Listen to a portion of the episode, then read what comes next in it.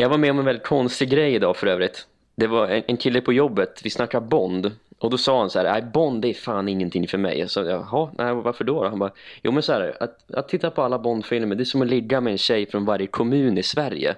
Jag bara, jaha, okej. Okay. Ja, för, ja, han sa, jo men så här är det. Det är trevligt, det är mysigt och det är lite spännande. Men i slutändan så är det ingen variation. Så jag bara, jag kunde inte svara på det. Jag har aldrig hört ett sånt resonemang förut. Det är det bästa resonemanget jag har hört. Så jag kunde inte säga emot honom.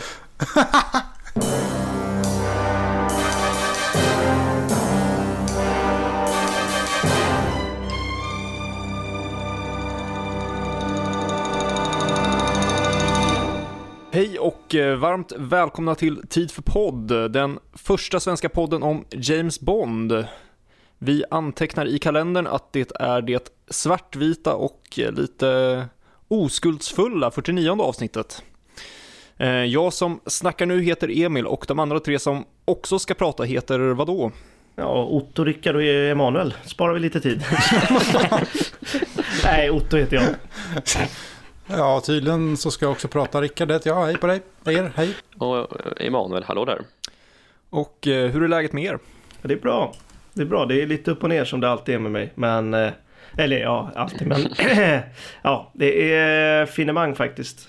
Eh, känns kul att vara igång och podda lite. Det var ju nästan en månad sedan vi släppte senaste avsnittet. Det har ändå känts bra. Det gått snabbt. Jag har haft mycket att göra och... Har du haft mycket att göra? Ja, med, med antagning och skola och skit som man ska söka. Men ehm, eh, ja, det har ju flutit på rätt bra tycker jag. Jag har inte varit så sugen på Bond. Jag tror ingen av oss har varit så särskilt sugen på Bond verkar det som.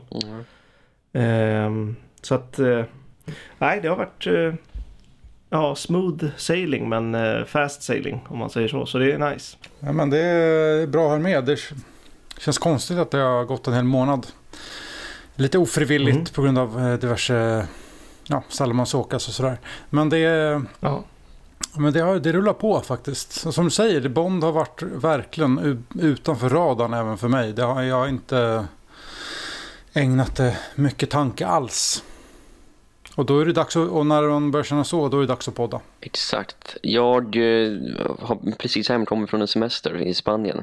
Det var väldigt eh, uppfriskande och trevligt och så. Men nu kommer man tillbaka och så är man tillbaka i vardagsrytmen och då blir man helt nedsliten och trött igen. Så det nu känns inte som att man var ledig. Eh, I alla fall, jag har precis skickat in ansökan till eh, universitetet i höst. Jättespännande. Det ser jag fram emot. Så jag går mest och tänker på det. Mm. Så Bond har tagit väldigt lite utrymme även i mitt liv. Även om jag hade en liten formtopp här häromveckan när jag läste William Boyds bok Solo och vilken bok det var. Men i övrigt har jag inte tänkt på Bond alls senaste månaden. Ni är ena jävla plugghästar ni två. Eh, nej men eh, mycket, eh, mycket, mycket lite ska jag säga. Väldigt lite Bond för mig med faktiskt. Jag tror det här måste vara den längsta perioden på Alltså jag vet inte hur länge som jag inte har sett en Bondfilm. Och det måste ha varit över två månader eller någonting. Mm. Så nu sparkade jag igång en Bondfilm häromdagen igen och vilken film då bättre att återvända till när man vill återvända till Bond-serien än Diamonds Are Forever. Intresset dog igen direkt. Oväntad ingång känner jag.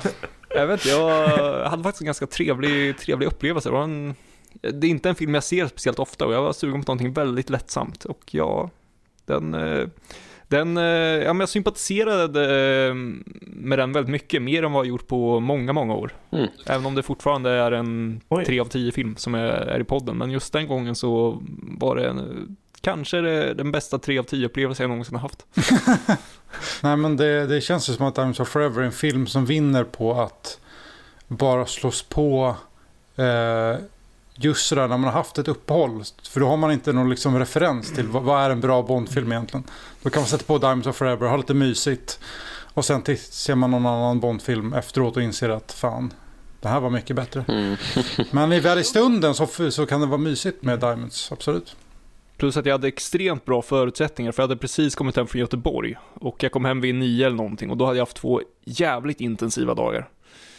Dagen innan hade jag varit igång i nästan 24 timmar och sen hel dag eh, till på det, tåg hem, komma och sen bara slänga sig i soffan och slå på Diamonds of Forever. Det var trevligt. Ja. ja, det förstår jag. Det känns ju som att eh, jag har inte heller sett, om jag minns, eh, inte minns helt fel så var det väldigt länge sedan jag såg en hel Bondfilm också. Faktiskt. Det var nog Skyfall, nej det var det nog inte. Jag, jag minns faktiskt inte. Jag försökte se Spectre men det gick ju inte med Norrlands internetet som var eh, här uppe. Med eh, flickvännen försökte jag se den. Det var svårt. Ehm, så det blir senare. Men ja, det, det kan ju inte ha varit uh, Dine of the Day på nyårsafton. Är det det så är det ju sorgligt alltså. Dr. No? Ja. Det är nog Dr. No i så fall. Uh, som var senast. Det är ju nästan två månader sedan. Ja, du, du drog ju A View to Archill ur den ökända lådan häromdagen. jag var sugen på att på Bondfilm och det blev inte av. Ja. Det kände jag direkt när jag såg A View to Archill. Jag bara, nej, det kommer inte bli A View to Archill ikväll. Så att... det blev... Vad blev det då? Blev det någonting? Ja, jag spelar football manager, men i övrigt så... Så ja... Ja, nej. Vilken jävla vändning alltså. Have you took in? Nej, jag kör football manager. Ja, exakt. Så Dr. No i januari var senast för mig. Det är sjukt. Mm. Jag såg lite på Quantum Solace på fyran här om helgen. Mm. Mm. Men eh, jag vet inte, jag, jag har mm. aldrig nå, liksom, eh, orkat sitta igenom de här reklampauserna så att jag stängde av efter halva eller något. Så. Mm. Ja, jag brukar stänga av på grund av filmen och inte av reklamen faktiskt när det är Quantum of Solace. Du, du tittar när det är reklam och stänger av när filmen kommer. Ja, exakt. Fan vad skönt, nu är det nyheterna. kan man leva igen. Nu är det gött att leva igen. Man ser om något bombattentat i, uh, i Bagdad eller något. Jävlar, nu är det, nu är det härligt. Kabul eller något, ja exakt. ja, exakt. Boko Haram slår till igen. Ja, ja, nej men nej, usch. Man ser i alla fall vad som händer på Nielsenslagen. Mm. Liksom. Ja, exakt. Det är sant. Och på tal om nyheter. Mm. Så uh, har det kommit mm. lite nyheter i Bondvärlden sedan senast. Ja. ja. Vi har ju, ja, vi har ju fått, eh, eller kanske fått, en regissör till eh, nästa Bondfilm. Danny Boyle. Spontana reaktioner och tankar på det här beskedet, om det nu faktiskt blir han. Spontant, alltså spontant kände jag, ja okej, okay, Danny Boyle, han har snackats om sedan 2011 typ. I samband med att Mendes blev regissör till Skyfall. Mm. Så han har ju alltid varit i omloppet och i diskussionerna. Det snackades om honom innan Spectre också minns jag. Så när nyheten briserade var det som, ah, okej, okay, ja men det känns väl stabilt. Han vet vad han håller på med. Han är, han är den typen av regissör som Eon har varit ute efter de senaste tio åren. Och samtidigt Danny Boyle har gjort mer energiska och vitt spridda filmer än vad både Sam Mendes och Mark Forster har gjort. Och han har även gjort thriller och även filmer med actionelement. Så det är båda gott. Och han är även en sjukt energisk mm. regissör. Mm. Som, så jag tror att tillsammans med John Hodge som har skrivit framförallt Trainspotting 1 och 2 och The Beach att det kan bli någonting helt annorlunda mot vad vi sett tidigare. I alla fall rent stilistiskt. Så ju mer jag tänkt på det desto mer entusiastisk jag blivit. Även om min initiala reaktion var snarare ett meh. Ja, så jag... Eh, min första reaktion var också lite så här... Oh, aha, blir det något liksom nytt Mendesaktigt? Vad är jag lite rädd för. Men eh, som du säger, ju mer jag tänkt på det så känns det snarare som att det kanske är det mm, mest inspirerande regissörsvalet eh, på väldigt länge. Om man tar bort Martin Campbell som hade gjort den tidigare så är det liksom ja, det mest inspirerande på 20 år kanske. Så mm. att eh, ja, ja, ja det, det, det är svårt att veta vad vi, vad vi får. Men det är kul också att det verkligen är han som sitter och skriver manus. Jag tycker att det ofta brukar leda till bra resultat när manusförfattaren får vara med och skriva. Nej, vad säger jag? När regissören får vara med och skriva. Manusförfattaren är ju ganska ofta med och skriver. Mm. Tråkigt om inte han får vara med. Står som manusförfattare. Manusförfattaren kan få vara med och regissera. Ja, exakt. Det är ännu roligare faktiskt. Nej, men jag eh, måste nog säga att jag är... Jag tror inte det har att göra med Danny Boyle, utan det har överhuv överhuvudtaget att göra med just där vem som ska regissera, att jag känner mig bara så extremt likgiltig. Mm.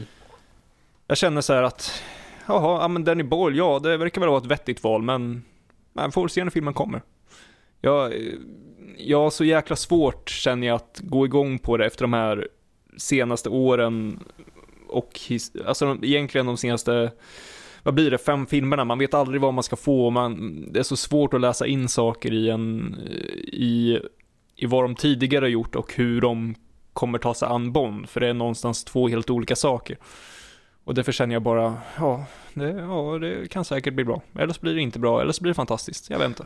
Ja, man har lärt sig av Lita Mahori för att mm. jag, jag var ändå lite liksom med inför, inför, inför Dine Other Day och jag minns ändå att det var väldigt mycket liksom förhoppningar på honom. Att det var så här, fan, bra val av regissör och liksom gjort verkligen lite så här ah, mörka filmer och lite brutala filmer. Och det vet vi hur det gick. Så att, mm. Eh, visst, men Danny Boyle känns som att han har... Mm. Han är skarp. Han, han, vet alltid vad han, vad han gör. Och eh, vad han vill uppnå.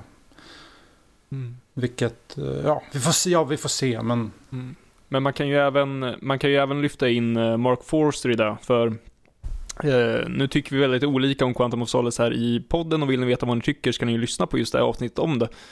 Men jag minns ju också snacket där om vad, vad som var innan och om man tittar på vilka filmer den hade gjort så var det ju trots allt en film som vi fick som var helt väsentligt annorlunda från, från hans tidigare, det han hade gjort tidigare.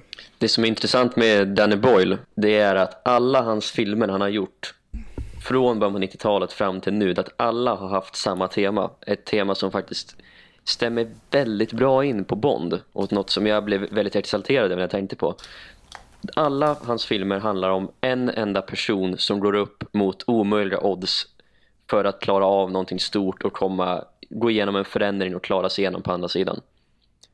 Varenda film. Och det kan vara i filmen 127 timmar där en man fastnar i eh, i en... Eh, Skreva. Ja, precis. Det kan vara Slumdog Millionär där en eh, fattig indisk pojke blir miljonär och vad det nu må vara så handlar det om en, ensam individ mot större makter. Och det är ju väldigt Bonds då. Onekligen. Och sen eh, mm. samtidigt läste jag att Danny Boyle, han kom till E.ON med ett förslag som han blev förvånad över att de tyckte var intressant istället för tvärtom, att E.ON kommer till regissör med en idé. Mm. Och då blev, han sa det att när jag gick ifrån det där rummet så var jag förvånad att de gillade min idé. Så det, där har vi någonting intressant. Ja. Ja, jag, jag tror där vi är nu så tror jag det um, ska mycket till att det inte blir det, Danny Boyle. Ja. För dels att han har pitchat en idé som de uppenbarligen tycker verkar intressant. Mm. Och jag, det har jag ändå känslan av att han och, uh, vad heter hans manuskille? John Hodge. Just det man har känslan att de har så mycket koll att de kommer kunna skriva ett bra manus och då kommer inte Ion tacka nej till Danny Boyle. Jag har också svårt att se att Eon faktiskt kommer kunna få en bättre regissör till nästa Bond. Det var ändå så pass bra att de eh, slängde ut Neil Purvis och Robert Wades manus och även om det nu stämmer Jan DeMange att han var ju med och jobbade med de två regissörerna alltså som ryktades förut i höstas. Så att de kastade ut deras manus de har jobbat på snart ett år i förmån för eh, Danny Boyles idé då måste det fan vara bra. Annars så har ju E.ON tappat taktpinnen fullkomligt. tappat det totalt. Ja, det är ju intressant att se då vem han tar med sig som, i alla fall för min del, vem han tar med sig som kompositör också. Det kan ju bli, jag tvivlar på att det blir Thomas Newman igen i alla fall, men David Arnold ligger nog bra till. Senast jobbade han ju med Pemberton till Steve Jobs. Det kan ju vara ett schysst val. Ja, exakt. Exakt, men han har jobbat med väldigt många olika John Murphy på... Eh, men ingen av dem han har gjort flest filmer med har han jobbat med på de senaste 7-8 åren. Så att... Ehm, jag tror, han, jag tror, jag tror Pemberton mm. eller David Arnold ligger väldigt bra till i alla fall. Och Danny Boyles filmer har alltid haft två väldigt viktiga grejer som också är Bonst. De har haft storslagna titelsekvenser som Danny Boyle alltid har regisserat själv. Och mm. de har alltid haft musik som en viktig del av storyn. Och musiken är alltid väldigt viktig i alla hans filmer. Mm. Så där har vi någonting som känns väldigt gott inför Bond 25. Mm. Jo. Spännande. Absolut. Ska vi gå på lite tråkigare nyheter? Jaha. Eh, för eh, sen senast vi poddade så har ju faktiskt Louis Gilbert gått bort. Just det. Eh, och det tycker jag att vi borde kommentera. Mm. Vid den uh, unga åldern av 97. Ja, det är, någon, det är någonting när eh, personer är så pass gamla så blir jag inte särskilt nedstämd och ledsen. Det är bara jävlar vad coolt att han har hållit igång så jäkla länge. Mm. Och gjort så Mm. mycket av sitt liv. Så att eh, det är bara hatten av. Och tack, tack för allt som han har gjort. Ja, verkligen. Verkligen. Han har ju regisserat en av de, en av de viktigaste filmerna i serien. Ja, Minst sagt. För seriens ja, fortlevnad eller vad man ska säga. The Spy Who Loved Me. Och till viss del Moonraker också som var en stor intäktsbringande, inkomstbringande film. Så att han har ju bidragit rent ekonomiskt till serien. Kanske ännu mer än vad folk tycker han har bidragit kvalitativt. Men eh, verkligen imponerande och blir liksom nästan hundra, hundra år. Det är, nej, det är hatten av som du säger. Ja, han var ju en prestigeregissör, särskilt under 60-talet. Han regisserade ju Alfie som... Åh, bra film. Den gick väl och vann eh, bästa film 1968 tror jag, på Oscarsgalan. Ja, det kan han ha gjort. 67 måste det väl varit. Ja, den kom 66, ja precis, och den vann 67, ja precis. Ehm, och han var ju väldigt omtyckt och, och populär i England och det blev ju inte direkt mindre att han gjorde tre Bondfilmer så att efter Moonraker så försvann han väl lite in i glömskan men hans eftermäle är ju ändå väldigt stort när man ser till det var han gjort i Bond-serien och det får man aldrig glömma så att eh, han har gjort tre, tre hjärtligt underhållande filmer Men det känns ju som han som förkroppsligade, den regissören som förkroppsligar over the top Bond-filmerna. Ehm, minst sagt. Och det är ju, jag vet inte, det var en, en kompis till mig som bor i Storbritannien som träffade honom på ett sånt här eh, event. Där han signerade och pratade lite med dem. Med besökarna och då var Louis Gilbert just där. och då hade han frågat ehm, vad heter det, om tips och då sa han, han mumlade lite och sen sa han bara eh, vem som helst hade kunnat göra Quantum of Solace, den var terrible. och sen sa han att han inte kunde göra några fler filmer nu när han var 90, sa han. Så att det var så här, han drog gränsen vid 90, det är lite, beskriver lite hur han var. Det var så här, fram till 90 hade han kunnat göra Bond-filmer ändå, det var väldigt roligt. Så jag tyckte det var så roligt att han sa anyone could have made Quantum of Solace, that was terrible.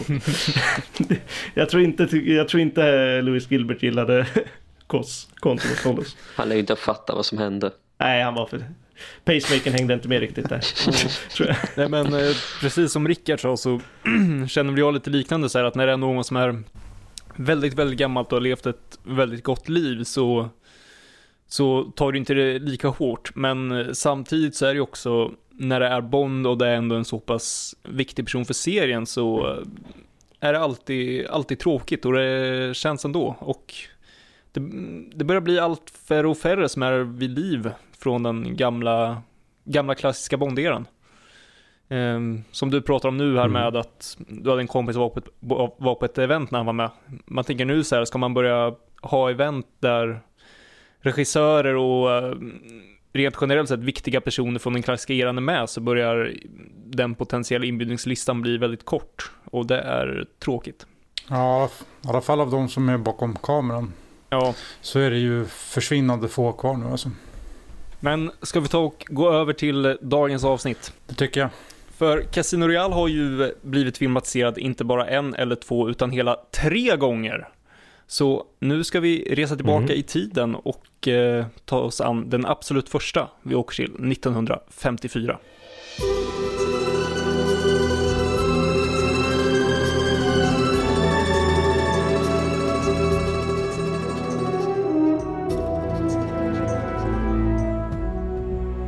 För den absolut första filmatiseringen av Casino Royale var ju faktiskt eh, för TV eh, 1954, en livesänd TV-pjäs.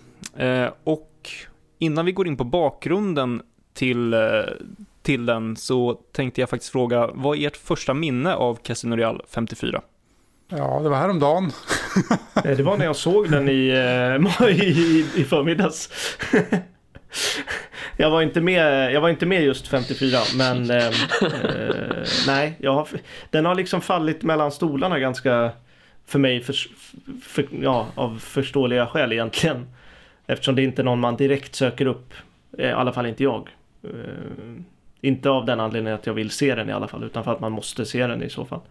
Vilket jag blev tvungen nu då. Men eh, Ja, nej, det, jag har inget sådär första minne av den. Den har liksom legat i bakhuvudet som, som eh, Casino Real 67 också gjorde tills jag var, var tvungen att se den också. Eh, så att, eh, ja, nej, de, de har jag inte hållit mig för aktivt men de, det har bara inte blivit av. Så att nej, det var för några, några ja, ett, sex timmar sedan kanske som jag såg den. Jag vet inte varför jag också har aldrig sett den förut. Um, jag har bara aldrig blivit av. Väldigt konstigt egentligen med tanke på hur intresserad och nyfiken jag är på allt nytt. Eh, Bond eller okänt eller ja, sådär. Så är det... Mm, var det fortfarande då Casino, Casino Real 54 som jag inte har sett. Och jag har fortfarande inte läst Christopher Woods två eh, Bond-böcker. Eh, det är lite märkligt. Men det är någonting med att den har varit svår att få tag på och jag, och jag har så svårt för det här att sitta på YouTube eller på någon stream och se en film i dålig kvalitet. Det, det gör sig inte riktigt. Men eh, nu var det bara att ta tjuren vid hornen och hoppa på. Ja, eh, innan Emanuel drar sin Åhléns eh, story så...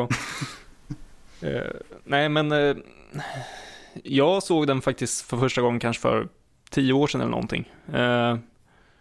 Och upplevelsen är ju lite liknande som du sa, man letar upp någon dålig, dålig stream av det med dålig kvalitet och tittar. Eh, jag har inte sett det jättemånga gånger, jag har kanske sett den, vad blev det här, tredje gången tror jag. Eh, så det är ingen, ingen, vad ska man säga, kan man kalla det för film? Jag gör den nu i alla fall.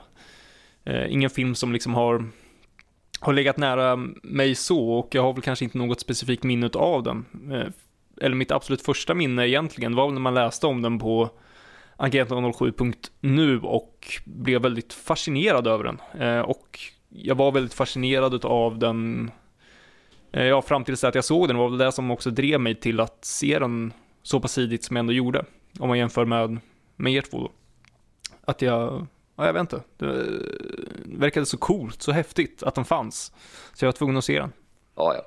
Eh, jag kan i alla fall köra copy-paste på det Emil sa där. Jag håller med honom till punkt och pricka. Eller håller med gör jag inte. Jag var med om samma sak i princip.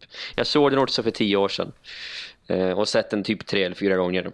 Och jag minns att typ jag laddade ner den på Pirate Bay jättetidigt. Jo, det var så jag också såg den första gången. Tack. Ja, typ, typ bland det första jag laddade ner någonsin var just den här filmen. Oj. För den fick inte få tag på på Youtube minns jag då. Eh, och jag var fascinerad av den från Agent 07.nu också. Och eh, varenda gång jag ser den så blir jag chockad över lite jag minns av den. Så eh, jag, jag kan inte säga att jag minns någonting alls när jag såg den första gången. Eh, men du kanske minns lite bakgrund till den? Förhoppningsvis.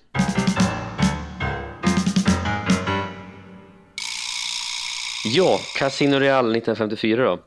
Filmen är, eller ja, tv-pjäsen, film, tv-produktion, whatever. Den är uppdelad i tre akter eh, men följer ändå sin förlaga ganska väl. Den amerikanska agenten James Bond, även kallad för Card sends Jimmy en 30 för att få sitt uppdrag av sin brittiska kontakt Clarence Leiter.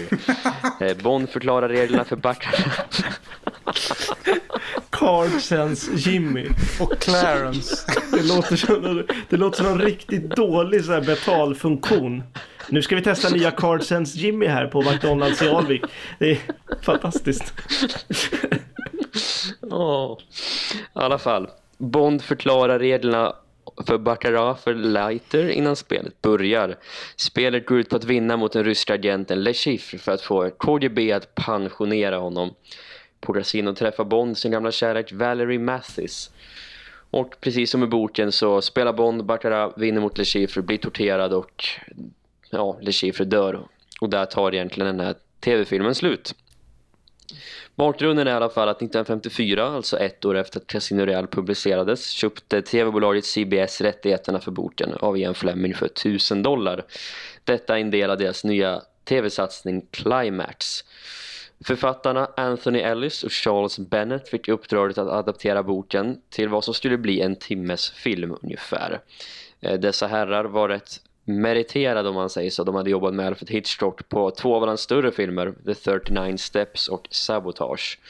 Eh, men eh, på grund av att filmen var tvungen att vara ungefär en timme så var de tvungna att korta ner i princip allt och behöll bara Baccarat-spelet och tortyrscenen.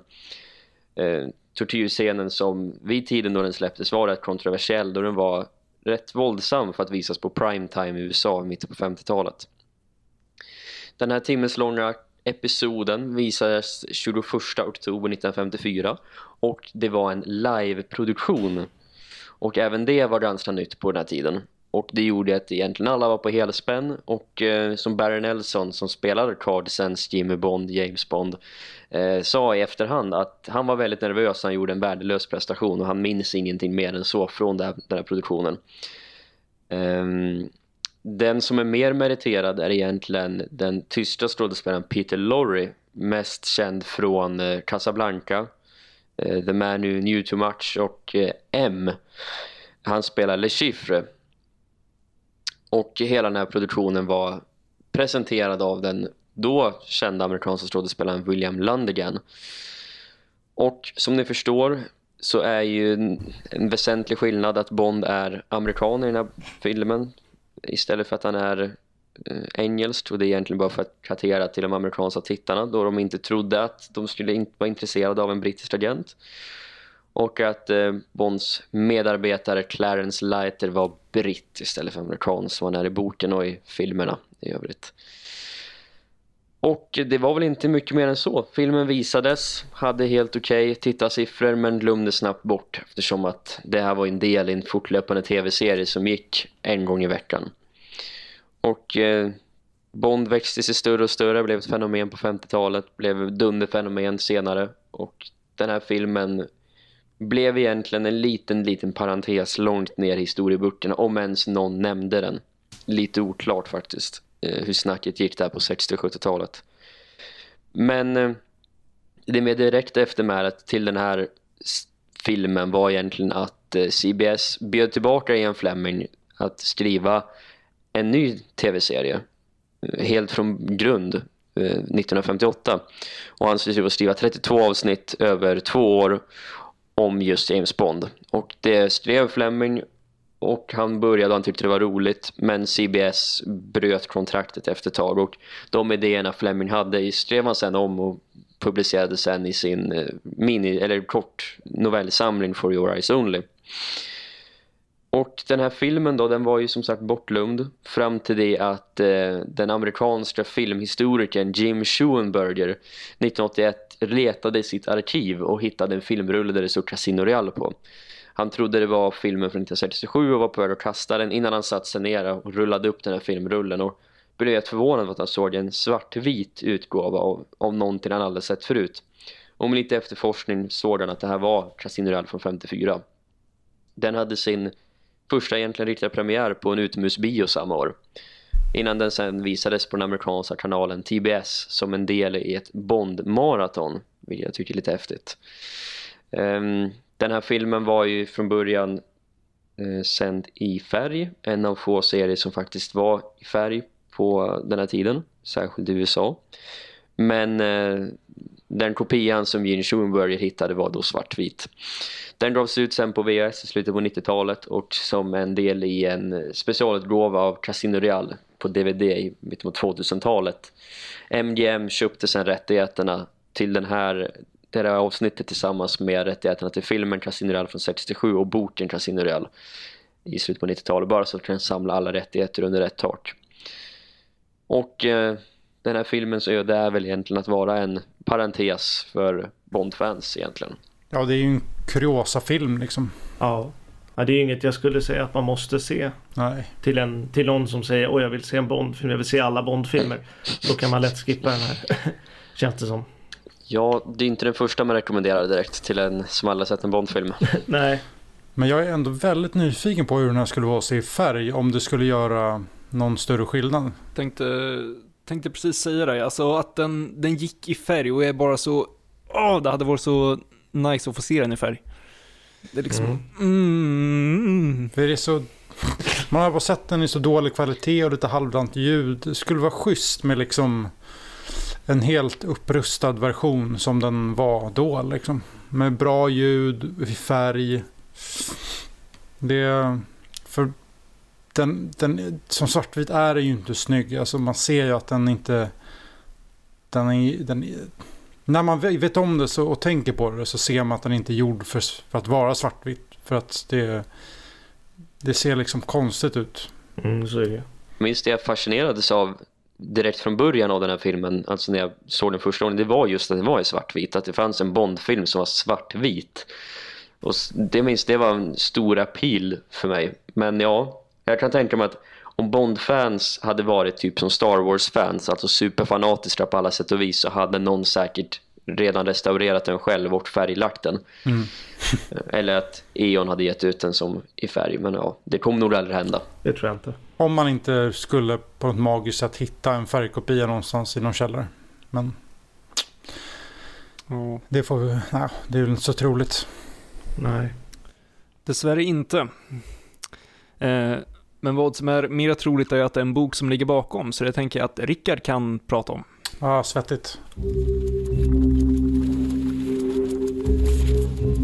Nej, men jag har inte tänkt att gå allt för djupgående in på det här, men eh, vi har ju pratat om själva boken eh, väldigt ingående i vårt Casino Real-avsnitt. Så får ni lyssna på det där. Eh, nu tänkte jag bara liksom försöka se lite vad, som, vad gjorde man med den här boken egentligen.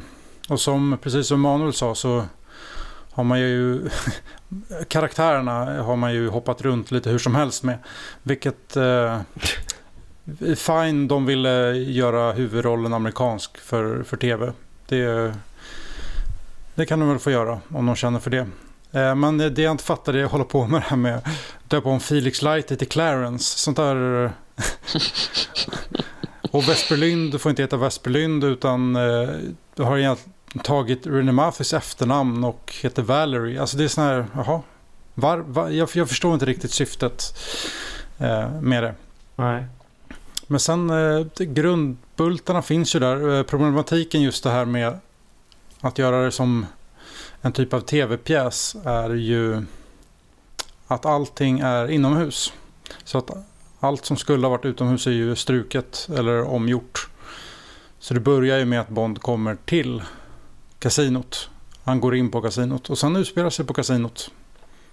Eh, alla 50 minuter. Eh, men som Emanuel sa så finns det ju allt det väsentliga finns med. Eh, Valerie är på Le Chiffres sida motvilligt. Och Baccarat-spelet finns i sin helhet. Tortyrscenen är ju lite omgjord men den finns med. Och det jag gillar är faktiskt det här med käppen som Bond får mot ryggen. Just det. Mm. Mm. Det finns ju i boken och det, det, den scenen har vi ju aldrig sett i någon annan version. Så det tycker jag, för den är ändå, den är ändå rätt lik som den är i, i boken. Det var väl den som, de, som fick eh, bli förgiftningsscenen i Casino Real från ja, 06. Sant. Men eh, jag håller med, det är skönt att se, se den scenen så som den faktiskt är i boken. Exakt. Mm. Eh, sen är det ju det ger, lägger de ju fem minuter på att Bond ska förklara Baccarat för um, eh, Clarence. Mm.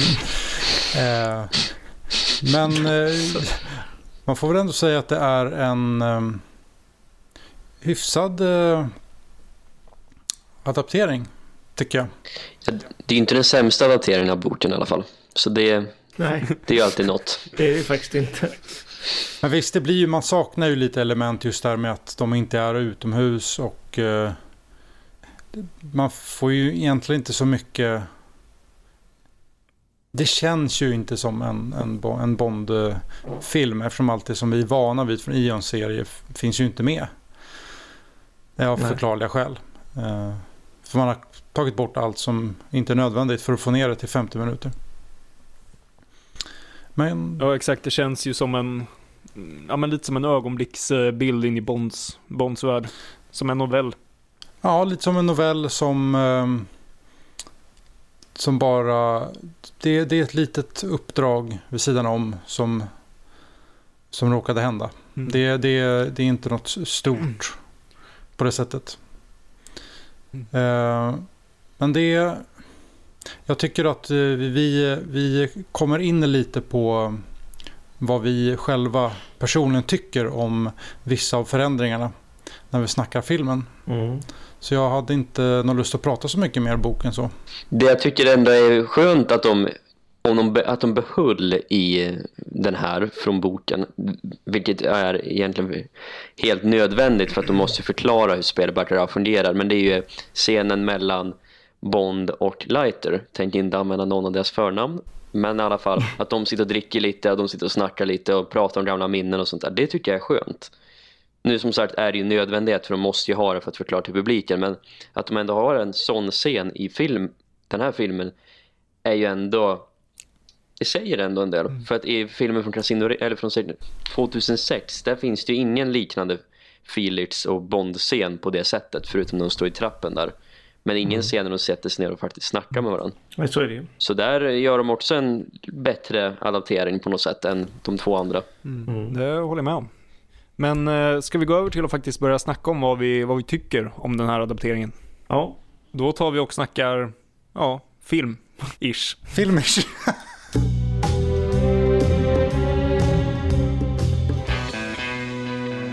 Du, eh, du nämnde ju den eh, presenta, presentationen, Emanuel. Det är lite gun barrel intro över det tycker jag. Ja, jag älskar den.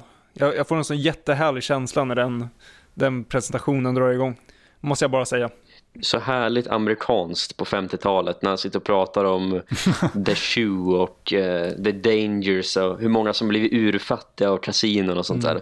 Det måste vara lite förebådande också. Lite, måste lära amerikanerna att sånt här ska vi inte hålla på med. Ex- extremt välmående folk just där och då. Ja, Ja, gud. William Lander är en riktigt välmående människa. Ja, ja exakt. Folk kommer hem från Ford-fabriken och sätter sig och tittar på Casino Real.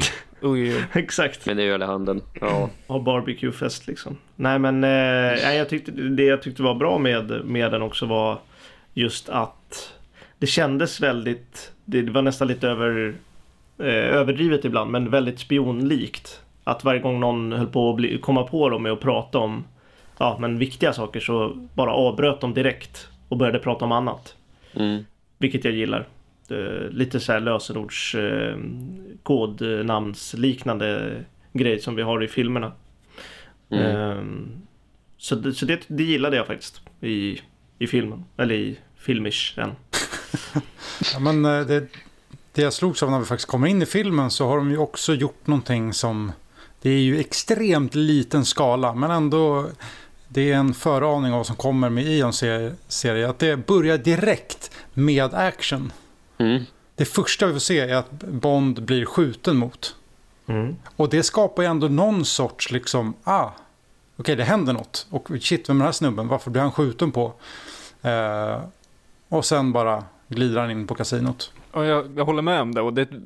Man blir alert på en gång och vad ska man säga, man, man sugs in i det på en gång. Man vill direkt veta vem är den här personen, varför han är utsatt för fara och så vidare. Vart är han på väg? Vad är det där? Alltså, ra- rappt sätt att inleda storyn och väcka intresse för.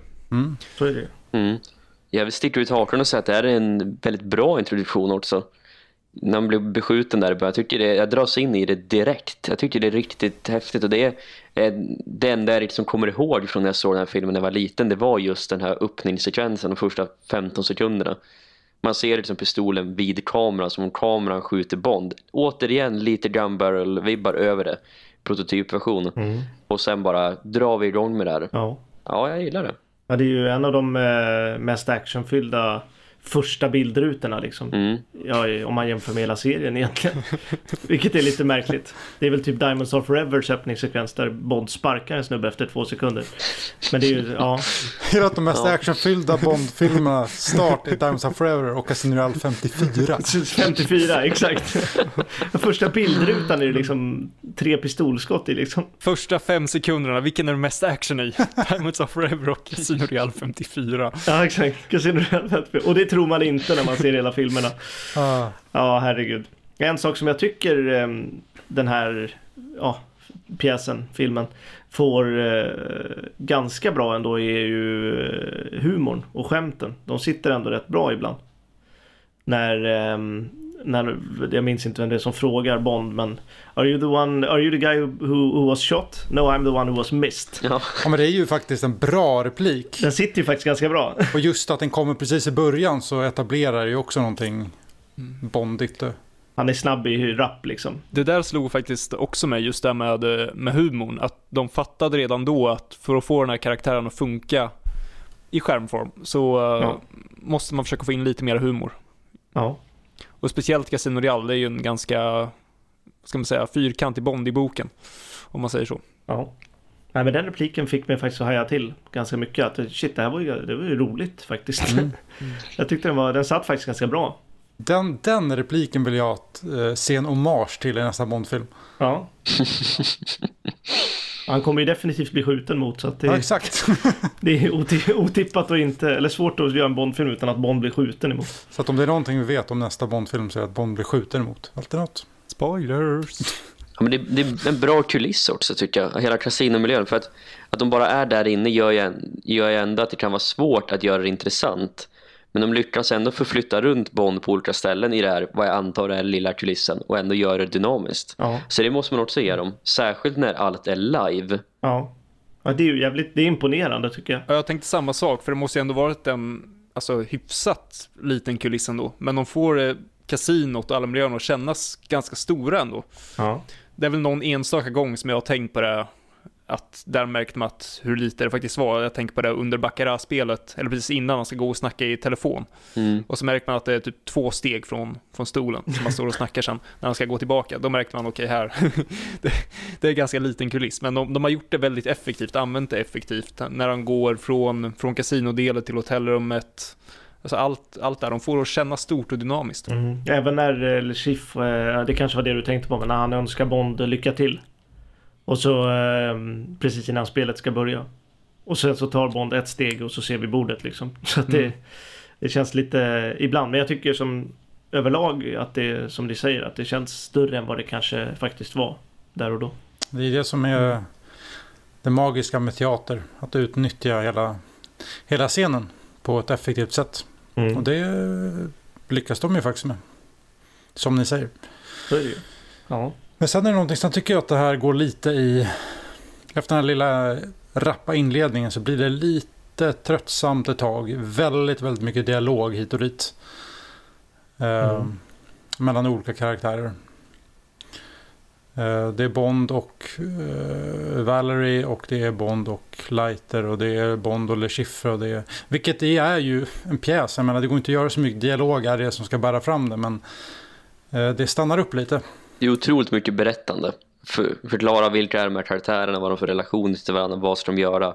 Och eftersom den bara är 50 minuter lång så kommer ju aldrig allt hända som de faktiskt pratar om. Nej. Så det är mycket uppbyggnad. Och hinna förklara ett kortspel och Ja, exakt. Men gjorde de det här inför live, eh, alltså publik också? Eller var det bara live som i att det sändes live liksom? Jag tror inte det var inför publik. Det, Nej. För då borde det ju egentligen Då skulle man ju kunna skalat ner på dialogen. Om man nu Mm. För om det är publik där då förstår man ju varför det är liksom dialog och så men Eftersom alla inte ser närbilder och sånt. Men eh, Annars så tycker jag ändå man kan skala ner lite på det för det känns som de babblar hela tiden. Nästan. Ja, Det är svårt att tänka sig in hur... För jag menar, ma- tv-mediet var fortfarande så nytt då så att det känns som att man testade sig fram ganska mycket med det mesta. Jo så är det ju. Eh, se vad som fastnade liksom. Och bara det att de antydde till våld och antydde till sex gjorde ju säkert det här väldigt spännande för amerikaner i mitten på 50-talet som tittar på det här en, vad det nu var en torsdagkväll. Ja, faktiskt. Eh, ska vi ta och eh, diskutera vår huvudperson? För det känns som att man borde göra. Ja. Barry Nelson som eh, Bond. Ja du. Ja, Jag har alltid varit fascinerad av Barry Nelson som Bond. Det kan ha varit, det kan ha att göra med att jag såg det så tidigt. Men det är någonting. Men sen när jag sett, särskilt när jag såg den här igår så tänkte jag på det att jäklar alltså det är väldigt, väldigt amerikanskt. Han skulle kunna vara vem som helst egentligen från vilken valfri detektivfilm från samma era. Ja. Och det som slår mig nästan mest det är hur ineffektiv den här killen egentligen är. Han, han gör ju egentligen ingenting av värde i den här. Han är ju, han är ju rent ut sagt korkad. Den, den som gör bra grejer här, det är ju Clarence. Ja. För guds Det är han som är den drivande den drivande agenten som folk verkar vara rädd för medan Carl Sands Jimmy går runt och är rätt, medioker. Ja, men han, han, känns, eh, ja, men han känns verkligen klumpig och inte, har inte alls den här utstrålningen. Och det känns som att de i stort bara plockat honom från en svartklubb och bara kom hit och spela kort. Ja, faktiskt. Ja, han har lite repliker här och där som, som faller väl ut och han eh, får in ett par bra slag där i slutet men han gör ju inte särskilt mycket. Och han är ju långt ifrån Flemings Bond. Det är ju som att det är just eh, Lighters eh, uppdrag. Den som har styrt upp allting. Den som vet allting. Det enda Bond ska göra det är in och liksom dela ut, spela lite kort. Det är hans uppdrag liksom. Mm. Så att han känns, känns som att han, han inte, ja, han känns lite out, oanvändbar. Ja, men Bond har ju inget uppdrag när han går in på kasinot. Han får ju uppdraget av Clarence när han sitter där vid bordet. Ja. Och det framgår inte heller att han är agent förrän vid den stunden. Och då är vi en typ 7-8 minuter in i den här produktionen. Ja, man får nästan känslan av um, Goldfinger där. Att han bara är, han är bara på kasino och så, och så stöter han på en person han känner. Och bara, man vill spela ett kort? Ja, men det är kul. Ja. Det, man, man får aldrig riktigt känslan av att han är ute på ett uppdrag och har någonting viktigt framför sig. Nej. Men, eh, nej, men jag tycker att Barry Nelson är, han är ju den här uh, filmmichens uh, i särklass största svaghet. Ja, och det är synd. Um, och det är ju framförallt väldigt viktigt att huvudkaraktären sitter och tyvärr så gör inte det och fan det är tråkigt. Nej men jag tycker också liksom att utseendemässigt heller så stämmer det inte riktigt. Det, det, är mycket som inte riktigt stämmer och det, ja, då, då, då är inte så mycket att göra liksom. Nej, jag tycker, jag gillar inte heller Barry Nelson så mycket. Jag tycker han känns väldigt så här tafatt och klumpig och inte alls målmed, målmedveten som Bond är. Eh, jag vet inte, jag, jag, alltid tyck, jag tyckte han såg ut som... Han var inte vacker alltså. I ansiktet. jag, jag, jag, det första jag tänkte på var att han var... Taskigt! Det första, ja, men han är ju död sedan länge, det är ingen som bryr sig. Men det första jag tänkte på var att han såg lite ut som Klaus Maria Brandauer i ansiktet. Och eh, sen ju längre pjäsen eh, ja, gick så såg han ut som en Brosnan som har blivit getingstucken i ansiktet. Så det hade svällt upp liksom. Eh, så att ehm, Ja, nej det... Sen tycker jag inte han är så bra skådis heller. Visst, han får in lite bra repliker och så men... Ja, det kan ju nästan alla få in om det är bra skrivet liksom. Så att... Eh... Men han, känns som en, han känns som en bilförsäljare i smoking. Ja, exakt. Exakt. Verkligen. Ja, så är det ju. Otroligt amerikansk. Mm, så är det ju. Lite George, George Lazenbys, eh, George Lazenbys motsvarighet i, i USA. Lite så. Ja. Ja. Fast sämre på alla sätt och vis egentligen. Ja. Ja exakt, men George Lazenby innan han, innan han blev liksom Bond och, och mm. så. Men, men Lazenby i Secret Service får inte känslan av att, av att han är en bilförsäljare. Nej exakt, exakt, det är sant. Vill ni se Barry Nelson inte bättre, kolla på The Shining då i så fall. För där är han ju betydligt bättre med väldigt mycket mindre Speltid, ja. screen time. Annars tänkte jag att Barry Nelson hade ju kunnat gjort en okej okay Felix Leiter i alla fall. Mm. I officiella serien. Ja. Ja, så är det ju. I alla fall bättre än Cess Linder och John Terry. Och... Säg inget ont om Cess Linder, det är min favorit Felix. Nej. Han har lite, han har lite drag av Felix Leiter i alla fall. Ja. Ja, så är det ju. Då kan han dra nytta av sin eh, bilförsäljarluck när han glider runt på hotellet i Miami. Faktiskt. Nej men sen en, eh, en till grej som jag slås av när jag tittar på det här, det är ju att Baccarat verkligen inte funkar bra för film eller tv. Och det är ju, vad ska man säga, man, man är otroligt glad över att de inte valde poker till den eh, riktiga versionen som kom 06. För Baccara är så... Det är, ett så, det är ett så speciellt spel och det är verkligen inte cinematiskt överhuvudtaget.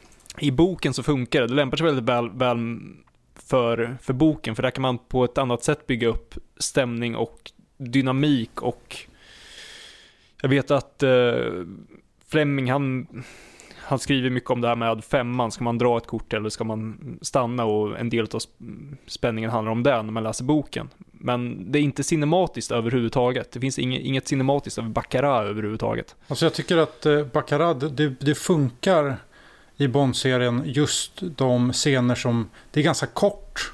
Det vi har eh, Bond mot Largo. Eh, ja, vad har vi mer? Vi har ehm, eh, Secret Service. Sådana. Men just bygga upp en hel, liksom, en storymässig scen kring Baccarat. Mm.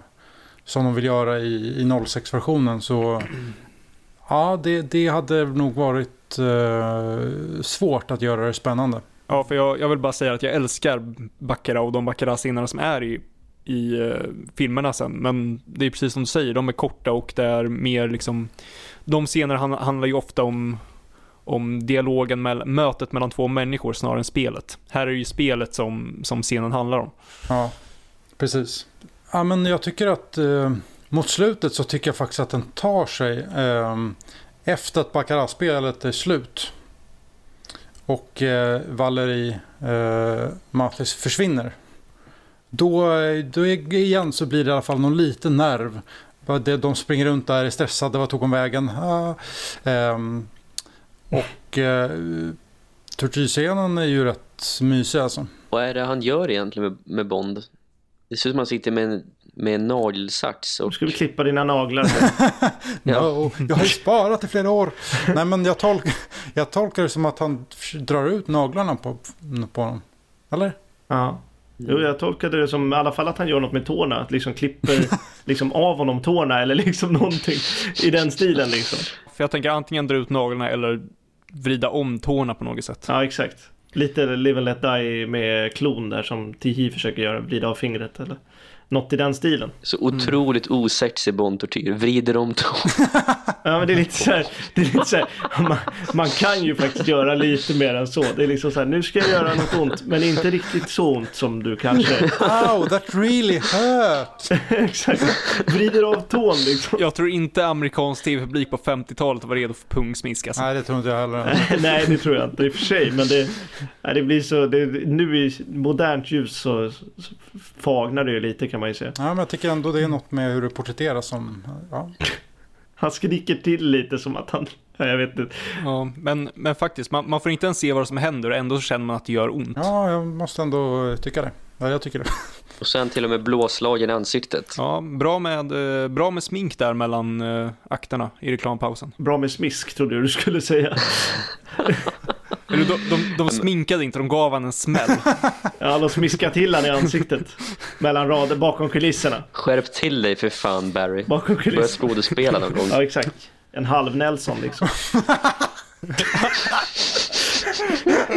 Dra en halv Nelson på Barry Nelson. Vem skulle dra den? Lägsta oddsen på Otto Nilsson i podden. Såklart.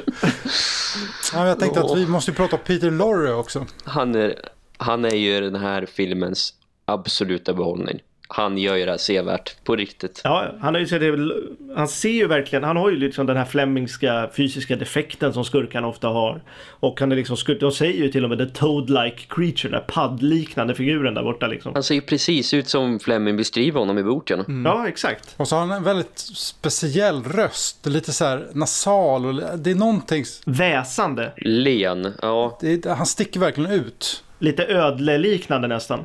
Ja, Han har lite så här ödle, nasal som du säger.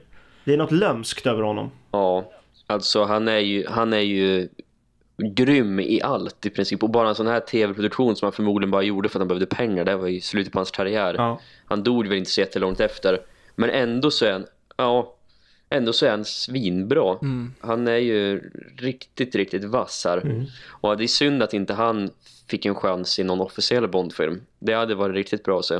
Ja, för om Barry Nelson sänker den här, lite hans prestation, så höjer Peter Lorre den här till skyarna.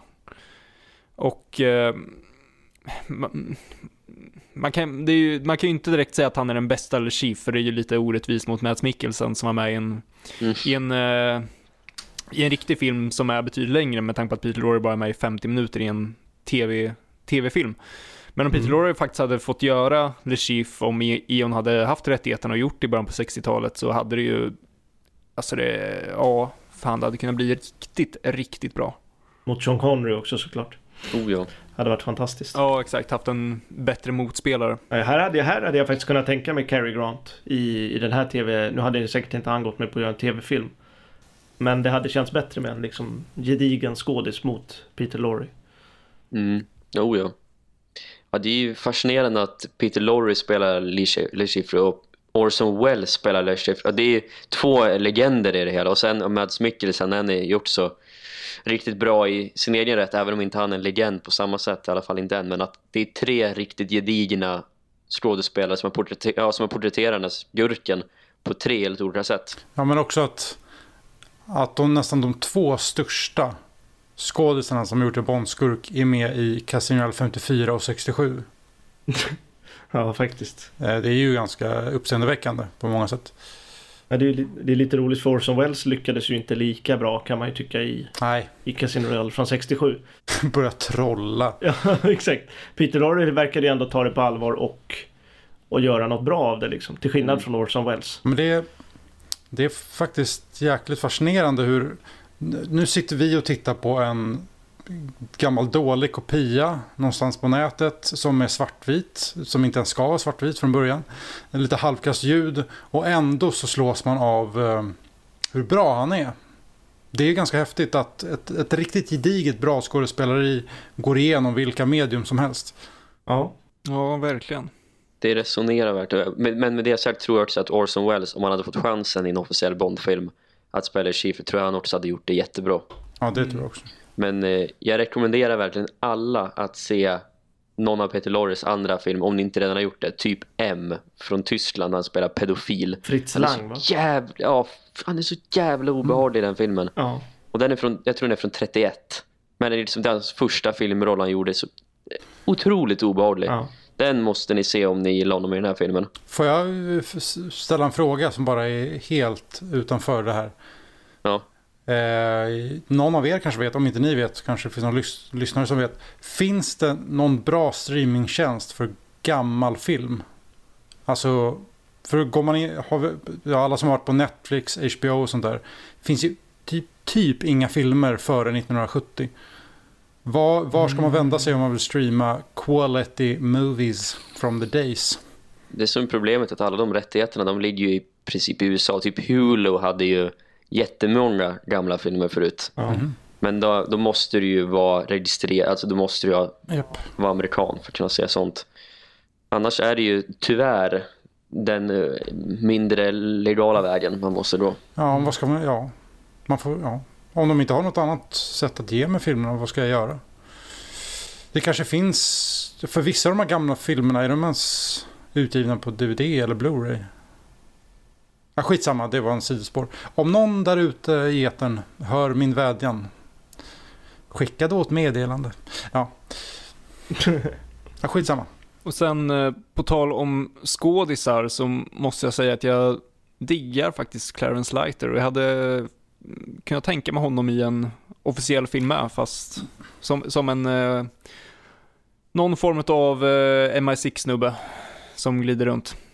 Kanske en, eh, kanske en, eh, vad heter det, Chief of Staff. Um, eh, Tana! ja, jag är lite så faktiskt. Han har, en, han har närvaro framförallt. Ja, lite utstrålning liksom. Mm. Jag tänker mig lite att han skulle kunna spela eh, DuPont. Som, heter han DuPont? Som är med i boken Casino Royale och Goldfinger i början. Ja, precis. Glider runt Ja. på kasinon och lever gött liv och så stöter han på Bond och har lite trevligt liksom. Ja, men han, han har någonting i alla fall. Clarence. Även fast han har ett namn jag aldrig önskar höra i en Bondfilm på riktigt. Clarence, ja herregud. Ja, Det är så obondigt namn. Alltså inget ont om folk som heter Clarence men det är så här. Finns, Det ska vara liksom saxofonister och sånt som Ja, heter fan. Clarence, inte Vem- Bond. Skådisar liksom. vem är Clarence Clemens? Det är ju Bruce Springsteens eh, saxofonist var det va? Som gick bort. Det namnet är ju inte okej på många sätt. Alltså det låter ju helt... Ja men Clarence Clemens funkar ändå. Han ska spela sax. Det är klart han ska det. Han ska inte spela, han ska inte spela Felix Leiter. Clarence Clementine liksom. Jag tycker det är lite, det är lite sorgligt egentligen i en Bond Alltså eh, adaption. Den med minst karisma i hela jävla casten är Bond. Ja. Det är så här sämst utstrålning. har... Det är ungefär som att liksom så här, ja men jag vet inte. Ta eh, uh, From Russia With Love så är det, spelas Bond av Barry Nelson liksom. Det blir liksom inte bra. Men det är ju typ byta plats på Cecil Linder och Sean Connery och Goldfinger. Det är exakt samma sak. Ja, exakt. Ja, åh fy herregud. Ja, det blir så här, åh, oh, Felix Light var bra, men han var bara med i så här tio minuter. Ja, ja. Fast då, då är det ju... Det är tråkigt. Då är ju Cecil Lind, sex, sex, sex Linder passar ju i den. Ja, exakt. Då hade det varit mycket stuntman på honom tror jag. Ja. Så Hoppa ner i, ja herregud. Vad Valerie, vad heter hon som spelar Valerie Mathis? Linda Kristen? Christian. Hon gör ju inte heller Mm. mycket till avtryck. Nej, tyvärr. Ehm, hon har i alla fall en, det är ju ändå kul att de har behållit den aspekten att hon eh, utnyttjas av eh, Le Chiffre. Men eh, det är väl det som är intressant kring henne kanske, det enda. Hon är den enda karaktären som har ett dilemma överhuvudtaget. Åh, en sak också som jag älskar att de har, har kvar från boken. Det är att Bond gömmer checken bakom eh, n- rumsnummerskylten på dörren. Ja, det är vackert. Det är, det är faktiskt bra tycker jag. Mm. Ja, jag diggar också det där. Det är väl kanske en av de sakerna som känns lite halvkonstigt. De var ju tvungna att upp- uppdatera på något sätt inför 06, men ett lösenord. Ja. Nej, Ja. det känns lite sunkigt. Det kändes billigt på något sätt. Bara, ja men vi tar lösenord, det blir perfekt. ja. Ja, ja, men precis. Mm. Hur, hur skulle man ha löst det? Inte fan skulle Bond ha fått en check. men kanske inte heller att det är ett lösenord bara. Nej, jag bara funderar på hur man skulle kunna ha...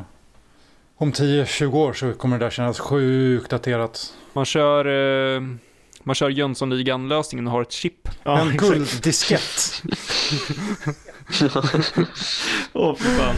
Uh, Ja, men det, det är en ökänd grej som händer där i slutet på den här filmen. Det är ju när Le Chiffre blir skjuten och sen Peter Lorre bara går, går därifrån. men han bara går och sätter sin stol liksom.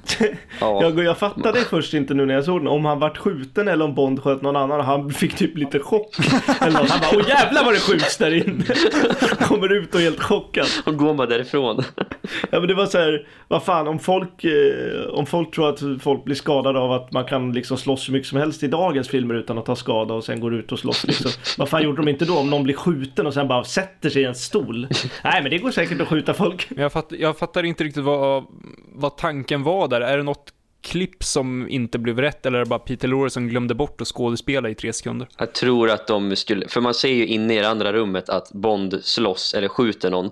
Jag tror kameran skulle vara där inne istället, men att de gjorde fel. Ja, herregud. Så tror jag. Men, men har ni sett hela filmen, alltså med de sista två minuterna också? Eller? Ja, Ja, det tror jag. jag tror det. För det är den på Youtube som du länkade Rickard, det är utan sista minuterna. Hur slutar den? Ja, de sitter och pratar där. We both lost typ. De, ja, det allra sista som händer är att Le Chiffre drar fram en av sina rakblad och håller mot eh, Valerie Mathis hals. Va? Och säger typ att det här är, nu är det du mot jag Bond, vad ska du göra? Och sen drar Bond fram en pistol och sen skjuter. Eh, Ja, men det såg jag på YouTube. Okej, för det är märkbart sämre kvalitet och... Ja, för jag såg inte det på den du skickade till mig Emanuel. Så då var det nog tvärtom du menar i så fall. Okej. Ja, det kanske var tvärtom. Ja, ja. Ja. Ja, då missade jag de sista två minuterna. Ja, exakt. För den, den versionen som den där äh, snubben hittade i sin källare, den saknade ju det. Och det, det var väl först... Mm. Slutet på 90-talet de la till det. Ja, exakt. Exakt. Någon gång på 90-talet som de hittade resterande. Ja, så kommer lite eftersnack där med vår käre William Landigan när han snackar lite vad som händer nästa vecka och sånt. Det är så sjukt att liksom det första filmatiserade Bond är liksom bara en liten del av en tv-serie. Ja. Ja, det är ju märkligt faktiskt. Jag tyckte det var lite så här när jag såg den så tänkte jag så här, gud vad skönt att det inte bara blev det här. Ja, Att det inte blev något mer. Att man ändå sen åtta år, att man åtta år senare liksom fick Dr. No och sen liksom 20 år senare hade liksom ett dussin med Bondfilmer. Eller inte ett dussin men eh, x antal Bondfilmer. Man hade ett imperium. På ett stort fenomen. Ja, exakt. Wallenbergs imperium. ja. Direktör Albert Broccoli. ja, exakt. Ja, herregud. Men tänk om den här hade blivit populär, om det hade blivit en superhit i USA, då hade det ju säkert blivit fler avsnitt Och fler Barry Nelson. med, med Cardsens Jimmy och Clarence. Ja, herregud. Kanske bra att de inte kastade bättre. Ja, det var väl bra på sitt sätt. Nej, det, jag det reagerar också lite på, um, som vi sa i, i Dr. No avsnittet, det första avsnittet alltså, inte Revisited. Eh, att... Minns du vad vi sa i det avsnittet? Ja, ja. I musiken, musiken var väldigt daterad där sa vi. Och mm. eh, i den här pjäsen så är musiken identisk nästan med Dr. No's musik. Inte just Jump Up och, och de lite mer liksom låtlåtarna om man säger så. Men den eh, musiken som är i bakgrunden, bakgrundsmusiken, den är väldigt lik musiken här. Med bara väldigt skrikigt blås och, och eh, mycket slagverk och sånt i övergångarna i princip. Ja, men jag, jag tänkte också på det, för tittar man på den här och sen tittar man på Dr. No och sen så slår man på From Russia With Love eller Goldfinger, så då fattar man verkligen hur, hur daterat hur daterad Monty Norman var, eller kanske snarare hur innovativ John Barry var. Ja, så är det ju. Ja, både och egentligen. Ja. Alltså Goldfinger kom två år efter Dr. No. Dr. no. Och eh, på åtta år innan, innan Dr. No så hade det inte ändrats mycket i Normans huvud i alla fall. Så att eh, ja, det, det, det reagerade jag väldigt starkt på. Att fan, det låter ju som Dr. No. Det är lite tråkigt. Men eh, om vi ska ta och börja sammanfatta våra tankar, om det inte är någon som har något mer att tillägga i övrigt. Nej. Ja, det är ju rätt svårt att prata om det där alltså. Det är bara saker händer där i mittenpartiet och sen händer lite mer och sen är det slut. ja, det, är, det, är, det är i och för sig så alla, det är så alla filmer byggs upp i och för sig. Det händer lite i början. Den är ju inte poddvänlig som sagt, för som, som vi sa så är det nästan bara dialog i, genom hela filmen. Mm. Förutom ja. de där fem sekunderna i början och lite tortyr på slutet. Ja. Sen däremellan är det... De där actionfyllda fem sekunderna. Exakt. De extremt actionfyllda fem sekunderna och sen så är det 45 minuter dialog. Ja. Så... Men... Eh, jag tycker väl ändå att om jag ska börja, mm, vad ska man säga, säga vad jag tycker om den i alla fall som helhet så är det väl att så länge man inte går in med inställningen, om man nu inte har sett den här tidigare, går man in med inställningen att det är just att man ska man ska se ett, ett tidsdokument och att man försöker att tänka sig tillbaka till just den situationen som, som var där och då. Vi hade en, en bok som precis har släppts, Casino Real, som eh, hade sålt väldigt bra i Storbritannien men som knappt hade sålt alls i USA. Det var, vi snackar om en situation där ingen visste vem James Bond var, i alla fall i USA. Eh, så länge man kanske inte var en väldigt eh, en bokintresserad person som läste mycket deckare, då kanske man hade hört talas om, om den här nya boken om den här brittiska agenten. Men annars så visste ingen i USA vem, vem Bond var. Och vi hade det som vi pratade om med Ian Fleming som verkligen försökte få det till, till, ehm, till en tv-serie eller film. Och kan man då bara glömma all den här äh, 55-åriga Bond-historien som vi har och går in och tittar på det för vad det är och vad det var där och då så tycker jag faktiskt att det är det är verkligen inte dåligt, tycker inte jag. Det är Barry Nelson som är dålig och han drar ju tyvärr ner ganska ordentligt men men i övrigt så diggar jag den här. Uh, måste jag faktiskt säga.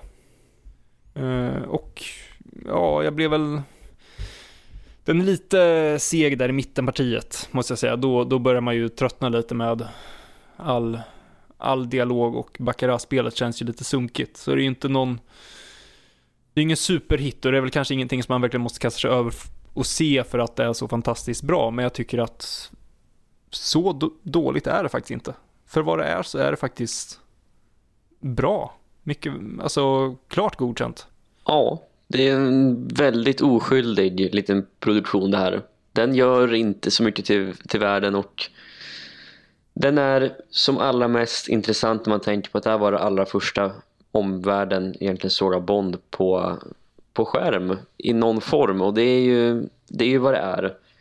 Och det har ju i princip inget gemensamt med vad Bond sen blev i Dr. No och framåt. Men ser man bara på det som en liten kuriosa del som är 50 minuter lång så, så är det ja, varken mer eller mindre. Barry Nelson är ju inte supergedigen, däremot Peter Lorre det, så där väger de ut varandra egentligen. Uh, och den är ju rätt intressant och spännande framåt slutet, men mittenpartiet är rätt trist. Men ja, ska man se den så ska man se den enbart om man är ett superbond-fan eller om man bara är intresserad av vart allting, skapad, eller vart allting startade. Mm. Och det är svårt att rekommendera den för någon men jag tycker ändå att vill man säga att man har sett allt som har med Bond att göra, vill man, vill man känna att man, man har någon ska man säga, stabil grund att stå på i formen av Bondintresse. Se gärna den här ändå, det tycker jag att man borde göra. Se den för vad den är, acceptera det och sen kan man gå vidare. Den är, den är helt okej okay, helt enkelt. Man kan slå ihjäl 50 minuter med den, någon gång ibland. Det tycker jag. Ja, men jag håller med dig där, Emanuel. Det, det finns liksom inget måste över den här filmen egentligen. Men jag rekommenderar ändå alla Bondfans att ändå titta på den. För just av bara historieaspekten. Liksom, och också om man tar i åtanke det Emil sa. Att försöka och inte bara avfärda den som skit bara för att den är inom citattecken dålig med dagens mått mätt. Eh, för vad de försökte göra då med åtanke att ingen visste vem Bond var och att man bara ville göra 50 minuters underhållning för tv så tycker jag också att den funkar ändå ganska bra. Och hade de hittat en bättre leading man så tror jag att det hade, så hade det blivit ännu bättre. Men det är, liksom, det är en kuriosa film. Den är lite småkul att kolla på. Eh, lite svårt att eh, hålla sådär fokuset uppe för min del i alla fall när, när de börjar snacka loss där i mitten. Men eh, alltså 15 minuter är inte så lång tid. Det, det är lite småintressant. Eh, kul att se Peter Lorre som en bra Le Um, ehm, så det, det, finns ändå små godbitar här och där. Och jag, jag tycker alltid att det är synd med personer som avfärdar eh, äldre film att det är dåligt för att det är gammalt. Man måste alltid se film för vad det var där och då. Eh, och jag, jag, äldre filmskapande tycker jag är väldigt, väldigt intressant. Eh, nu är jag själv väldigt dålig på att se, om vi liksom hoppar tillbaka ännu längre. Eh, men 50-60-tal är ändå en fin era. Eh, och det är något speciellt det här med att tv-eran på 50-talet. Just att det var något helt nytt. Eh, de letar sig fram till vad de kan göra. Och det blir ju intressant i kontexten Bond. Vad det sen blev 1962. Så som Bond-fan så rekommenderar jag den här ändå starkt. För andra så är det ju inte något egentligen. Eh, nej, men jag, jag säger som, som ni har gjort egentligen. För mig var det ju en, en överraskning. Jag blev ganska överraskad över att den var så så pass bra som jag inte trodde att den skulle vara. Eh, så att eh, den var ganska lätt tittad ändå. Kanske i och med att jag inte hade sett den tidigare. Men det blev ju lite långdraget med all, all dialog. Eh, och som ja, Emanuel sa, vill man säga att man har sett allt då vill man nog se den här också. Eh, kan jag säga. Ehm, så att, ja nej jag tycker nog ändå man, man ska se den men det kanske inte är den första eller den andra eller till och med den tredje man ser. Det är ju det sista man slår på liksom. Ja exakt, exakt. Det är nöd, nödlösningen liksom. Jag har inget Bond, ja då får det bli Card Sense Jimmy då. Men eh, det, det, det, det, det, är, det är liksom sista utvägen. Antingen liksom, ja jag vet inte. Nej, sista, sista utvägen är Casino Real 67. Ja det kan jag hålla med om. Mm. Det kan jag hålla med om. Det, ja, man ser ju den här innan i sådana ja. fall, om man måste välja. Det gör man. Alla officiella Never Say Never Again, eller alla officiella, alla Eon-filmer, sen Never Say Never Again och sen den här och sen CR67. Uh, ja. Och den, den struntar man i. Då kollar man ju liksom Johnny English Reborn före den. Men um, ja, nej, jag tycker den här är, ganska medioker. Barry Nelson, Peter Lorre är utmärkt tycker jag. Eh, Lighter Eh, Eh, det står till och med letter i efter, eftertexterna. Det bryd, brydde sig inte liksom. Han skulle lika gärna kunna heta typ så här vad som helst egentligen. Men eh, gör också en bra roll, tycker jag. Bra prestation. Eh, Linda Christian som Valerie. Ah, det är så fem av tio. Det lämnar inget liksom lasting impression på mig i alla fall. Så att, nej jag tycker den är för vad det är så, ja, det är väl helt okej okay, liksom. Uh, tänker jag bort att det är Bond så blir det lite bättre för det förväntar jag mig någonting bondigt ur det här så är det inte så mycket man får. Mm. Så att nej, jag, jag har inte så mycket mer att säga. Den är väl helt okej. Okay. Filmen är dålig men den har Peter Lorre så det blir 8 av 10. Ja, exakt. Fan, jag tyckte ni nästan var lite väl hårda där alltså. Lite väl hårda? Ja. Åh fan. Jag tyckte vi var helt okej. Vad fan ska vi säga? det vill inte vara he helt okej. Det är ju typ 4 av 10, 5 av 10. Ja, det är väl hårt. Jag hade tänkt sätta den typ på 7 av 10. Oj! Oj, oj, oj. Nej, det är svårt alltså. Nej, det hade inte jag. Då får man jäm- om man ska jämföra med Bond-filmerna så blir det svårt att sätta 7 av 10. Ja, men det, det hade jag ju inte tänkt att göra. Aha! Now we're getting somewhere.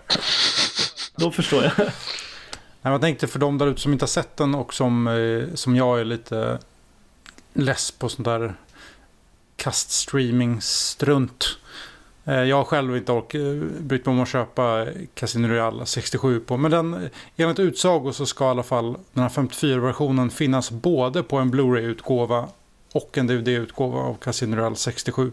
Men vem fan vill ha den filmen i Blu-ray? Jag har den på Blu-ray. Mm, Men finns det inte också en väldigt bra dokumentär till? Det gör det. Ah, Okej. Det var därför jag köpte den. Men den finns, det här är värt att komma ihåg. Den finns inte med på den som kom ut eh, nu här, här om året. Den här Superior Edition eller vad det nu kallas.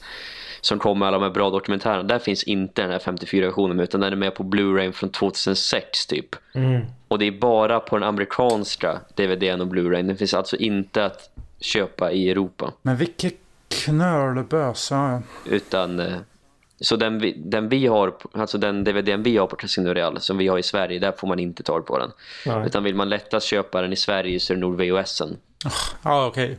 Ni har den på YouTube. Fan. Ja. Ja. Eh, en eh, fråga vad jag har till, eh, till Rickard.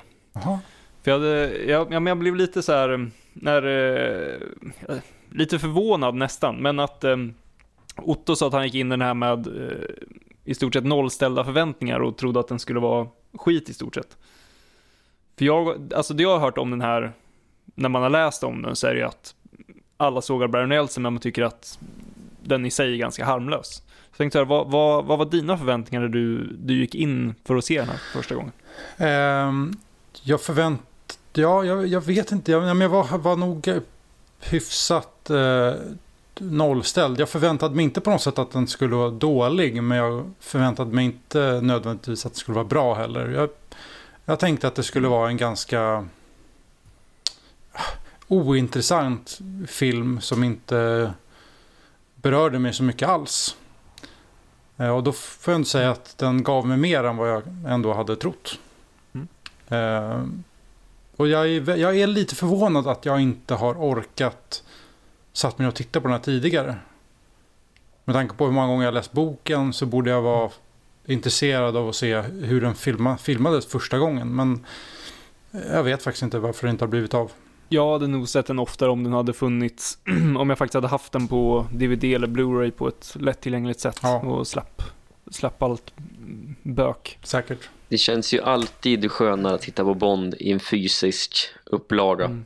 än, än att titta på den på en streamer. Så det känns alltid lite fel på något sätt. Så att man vill gärna äga den. Jo, så är det. Jag hade tänkt att dra upp den på, jag såg den på datorskärmen, jag hade tänkt att dra upp den på tvn med Chromecasten, men jag bara nej, jag, det, jag vet inte om upplevelsen kommer bli så mycket bättre med den kvaliteten. Nej, exakt. Det är risk att det bara blir sämre. Liksom. Jag såg den faktiskt på tv. Men det var... Ja, det var ju liksom... Var skönt att sitta i soffan istället för vid datorn. Det var väl det enda positiva men... Eh, annars var det inte så stor skillnad nej. Men alltså tänk, de visar ju ändå den här på ett Bond-maraton i- på TBS i USA. Tänk om de kör den här på fyran. Börjar Bond-maraton. Vi börjar med Casino Royale från 54. Ja, Ingen hade ju velat full fullt det här Bond-maratonet. nej. Det känns mer som en eh, SVT2-grej. Ja. Ja, Men det är något som- precis, man eh, S- eh, SVT, när, när Bond firar 60 år så gör man en så här temakväll. Och då visar de den här. Det skulle, det skulle ändå inte förvåna mig på något sätt. Den pass, skulle passa där. Och så har de någon så här paneldiskussion kring det hela grejen. Liksom. Jag undrar egentligen hur det, hur det funkar med eh, TV4 och när de köper in rättigheter, om de köper in Bond som ett paket. För då borde ju TV4 ha rätten att visa den här på TV. Men att de aldrig gör det. Mm. alltså de visade ju CR67 i somras på TV4-film. Hur då? Oj. Det gjorde de. Då borde de ju, för då, för då antar jag att de säljer allting i, i en klump bara. Ska vi, Så då borde ju TV4 ha rätt att köra den här. ska vi skicka ett, eh, med, ett mail till dem från Tid för podd? Ja, varför inte? Ja, varför inte? Lördagsfilmen. Lördags. Det måste ju nästan ta reda på om de har rättigheten till den här. För det kan ju vara att de har rättigheten till Never Say Never Again och ser 67 men kanske inte just till den här. Frågan är ju, de har ju köpt rättigheterna av CBS antar jag, eller vem det nu som ägde rättigheterna innan 99 eller när det nu var. Men det är väl MGM som äger alla rättigheter. Ja, ja precis. Så jag tänker att TV, i och med att MGM har alla rättigheter till allt, så tänker jag att när TV4 mm. köper tv-rättigheterna av MGM så köper de väl kanske allting i ett och, ett och samma paket. Ja, för varför skulle man inte... Alltså det finns ju ingen som... De kan ju lika gärna slänga med den här filmen i paketet. För att mm. ingen som kommer mm vilja ha den ändå. Så du kan lika gärna ha med den där. Eller? Det kommer inte höja priset på, på beställningen. Nej, vi slänger inte med CR54. Den får ni betala dyrt. Det funkar inte riktigt så tror jag. Det här är en fråga jag verkligen vill ha svar på nu känner jag. Mm. Programchefen på TV4 kommer hem och säger jag råkade köpa Casino Royale 54. jag, jag, jag klickar fel. Men eh, vi gör så här att vi skickar ett mail till TV4 och sen så får vi se om vi får svar. Får vi svar så ja. lovar mm. vi att eh, rapportera det till, i nästa avsnitt. To be continued som det heter. Exakt. Men alltså, bara en parentes, det är Emil du som har koll på det. Jag tänkte, det här visade sig på CBS 1954 och eh, som de flesta gjorde på den här tiden, de, de tappade bort filmrullen eller brände upp det eller de brydde sig inte om att, att konservera det egentligen. Och sen hittades det av en slump i en mans källare. Mm 30 år senare. Ärvde CBS fortfarande rättigheterna till det här även fast det gått så lång tid?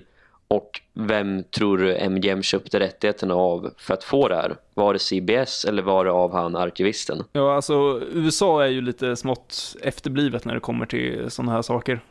kan jag bara säga. Men eh, ska, ska man ta sett till hur det ser ut idag så skulle de ha köpt det av CBS i sådana fall. Mm.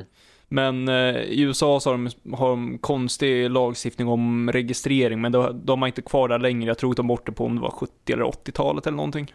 Med att man var tvungen att registrera upphovsrätter. Ja, exakt. För det finns ju hur många Hollywoodfilmer som helst. Alltså med stora namn ja. från 40-50-talet som ingen äger rättigheterna till. Ja, jag vet. Men det var för att de hade, de hade det systemet i USA förut. Om att man var tvungen att registrera och där var man tvungen att omregistrera. Men det finns inte kvar längre i eh, amerikansk lagstiftning och jag har ingen aning om vad som händer med det där. Men ska man se till hur, det ser ut idag så skulle det vara av CBS. Ja, okej. Okay. Annars kan det ju vara så att den eh, rättigheten som fall har gått ut. Men det känns ju konstigt om MGM skulle äga den. Ja, för den versionen jag såg i alla fall den börjar ju med MGM-lejonet, vilket känns lite konstigt. Ja, men eh, med, med tanke på att MGM hävdar att de äger den så får jag väl anta att registreringsproblemet inte existerar i det här fallet utan de köpte i så fall av CBS.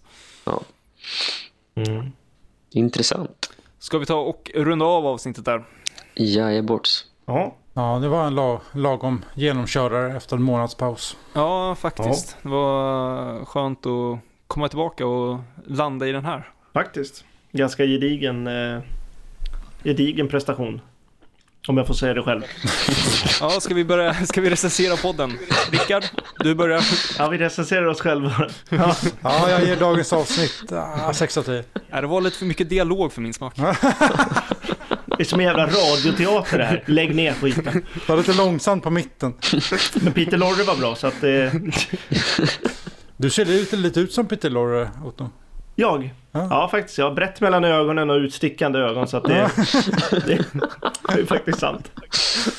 Du var avsnittets behållning. Men eh, då får vi ta och eh, tacka ni som har lyssnat och eh, ja, tack för att ni fortsätter att lyssna på oss. Ja, verkligen.